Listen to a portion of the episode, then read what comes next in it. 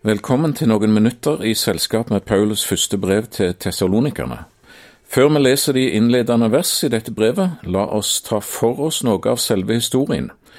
I Apostelens gjerninger, kapittel 16, befinner Paulus seg ved et veikryss, og han er forvirret. Han hadde starta på sin andre store misjonsreise og befant seg i våre dagers Tyrkia. Han hadde vel tenkt å fokusere på det folkerike Asia som dette området da ble kalt. Men de ble hindret av Den hellige ånd fra å tale ord i Asia, sier Apostelens gjerninger kapittel 16 og vers 6. Paulus var vant med motstand fra djevelen, men her var det Guds ånd som sperra veien og kommanderte stopp. Ja vel, da får jeg dra til Betynia, tenkte Paulus. Vers 7. De prøvde å dra til Betynia, men Jesu ånd gav dem ikke lov. Rødt lys og full stopp igjen. Og det var ikke djevelen som var problemet. Den hellige ånd personlig nekta de. Hva var dette? Den natt hadde apostelen et syn. En mann langt bortefra, faktisk helt ifra andre sida av Egerhavet, ropte av sine lungers fulle kraft, bønnfalt Kom over til Makedonia og hjelp oss. Paulus forsto jeg skal krysse et hav, jeg skal til en annen verdensdel. Ånden sier nå er det Europas tur til å få evangeliet. Dette er misjonshistorie, og det har skjedd så mange ganger.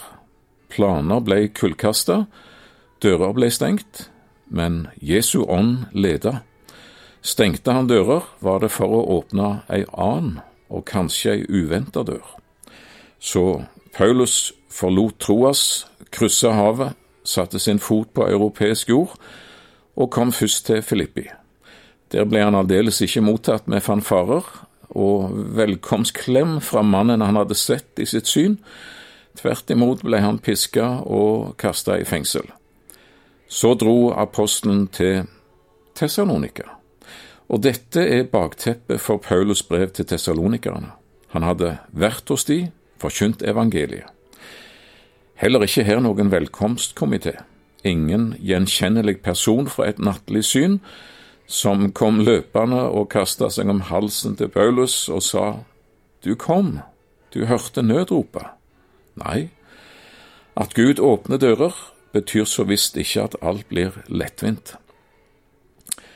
Paulus forkynte Jesus i Tessalonika og havna som vanlig i kjempetrøbbel. Apostelens gjerninger 17 sier noen ble overbevist, men langt flere ble aldeles rabiate. Et oppløp starta på torget, drog hele byen med seg og endte foran den nyfrelste Jasons hus, der de skreik hvor har du gjort av denne gale vekkelsespredikanten? Vi vil ha tak i han. Men siden Paulus ikke var der akkurat da, gikk det utover Jason og hans venner, som ble sluppet med til bydommerne og anklaga at nå er de kommet her også, disse bråkmakerne, disse fanatikerne som gjør opprør mot selveste keiser Claudius og hele det romerske imperium, fordi de sier at en annen, en som heter Jesus, er konge. Apostelens gjerninger 17, vers 7. Så høy ble temperaturen i Tessalonika at de nyfrelste der pressa på for å få Paulus og Silas bort. Nattetid ble de smugla ut og dro til Berøa. Heller ikke der ble det noe langtidsopphold, som det ikke var i Filippi eller Tessaloniker, og heller ikke i Aten, som Paulus så dro videre til, men likevel, under disse korttidsopphold, kom mennesker til tro.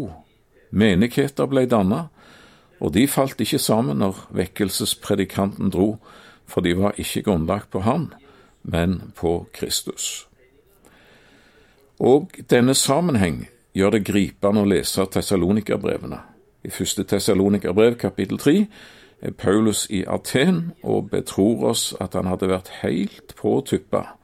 Han holdt simpelthen ikke ut å leve i uvisshet hvordan det hadde gått med de nyfrelste i Tessalonika, som han jo ble tvungen til å forlate. så han sendte Timotius tilbake til dem, og når han så returnerte til Paulus med et stort smil og gode nyheter, da jubla Paulus. Nå lever vi, for dere står fast i Herren. 1. Tessalonika-brev 3 og vers 8. Paulus var en soldat for Jesus, en erobrer. Over 300 år tidligere hadde en annen erobrer satt sitt merke på nettopp disse landområder. Alexander den store, tidenes hærfører og militære eh, geni. Han som erobra hele den da kjente verden, og som gråt da det ikke var mer å innta. På sin misjonsreise fulgte Paulus i Aleksanders fotspor. Han dro fra Troas, Aleksanders egen by. Alexandria Troas blir den kalt i gamle dokumenter. Han ankom Filippi, som var oppkalt etter Aleksanders far, den mektige kong Philip, og byen Tessalonika, som vi konsentrerer oss om, hadde navn etter Aleksanders halvsøster Tessalonike. Aleksanders mål var å erobre verden, å forene øst og vest og innføre den helenske tro, filosofi og kultur overalt. Men han døde, 33 år gammel, og hans rike smuldra opp. Han som Paulus tjente, han døde òg ca. 33 år gammel, men han var den store. Han sto opp igjen og mobben utforbi herr Jasons hus i Tessalonika, ca. år 50, de hadde helt rett. Disse menneskene, de kristne, sier at en annen, en som heter Jesus, er konge. Ja visst, Alexander er død, hans rike er falt, på Roms trone satt da keiser Claudius. Før han var det den gale Caligula som regjerte, og etter Clausius kom Nero. Han var ikke helt god, han heller. De er alle for lengst døde, og deres rike er falt. Paulus var seg veldig bevisst. Jeg er en tjener, en soldat for kongenes konge og herrenes herre, han som var død og er levende i all evighet, han som er og som var og som kommer, den allmektige. Paulus mål var dette verden for Kristus, intet mindre. Og noen i Tessalonika og Filippi og Berøa osv., de ble ved tro borgere av dette riket, et rike der Jesus sa at den som tror på meg, skal leve om han enn dør. Ja, jeg tror at Lydia og Jason og de andre som vi møtte i Apostelens gjerninger kapittel 16 og 17, og Paulus og Silas og Timotius og de andre der. For lengst døde, ja visst, og likevel levende hjemme hos Herren, der de er med Kristus. Og det er så mye, mye bedre, for å bruke Paulus ord da han skrev til Filippa-menigheten.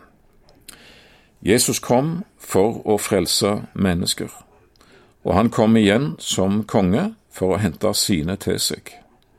Og så skal vi for alltid være sammen med Herren, jubler Paulus i kapittel fire.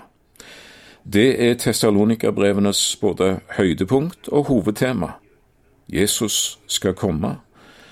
Det gjelder å kjenne Han og være beredt til å møte ham, for det gjelder evigheten.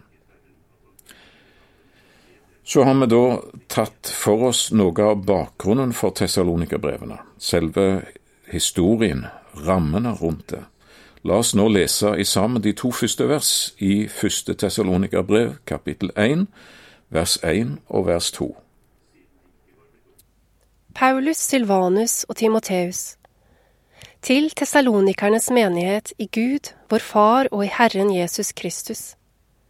Nåde og fred være med dere vi takker alltid Gud for dere alle, når vi minnes dere i bønnene våre. Tre avsendere i dette brevet, Paulus, Silvanus, eller Silas som han ellers ble kalt, og Timotius. Tessalonikerne kjente jo disse som hadde gitt de evangeliet, Og disse tre helser med nåde og fred fra Gud vår Far og Herren Jesus Kristus. Det er en vakker og en innholdsmetta helsing. Nåde, altså gunst, velbehag, helt ufortjent fra Gud til disse mennesker. Og fred, ikke den fred som verden gir, men guddommelig, himmelsk og evig fred. Med Gud og fred fra Gud til disse. Og hvem er Gud, den evige, den allmektige, den veldige, han som skapte himmel og jord, og som oppholder alt? Hvem er han for disse mennesker? Jo, de kan løfte sitt blikk uten å behøve rødme av skam. De kan stråle av glede og si Gud, vår Far. Og alt dette, barnekårets Gud, nåde og fred, alt har de i Herren Jesus Kristus, fordi Jesus er deres, og fordi i Jesus eier de alt. I vers to sier Paulus, vi takker alltid Gud for dere alle. Og det er jo sånn Paulus begynner sine brev, med takketonen. Eh, av unntak er vel Galaterbrevet.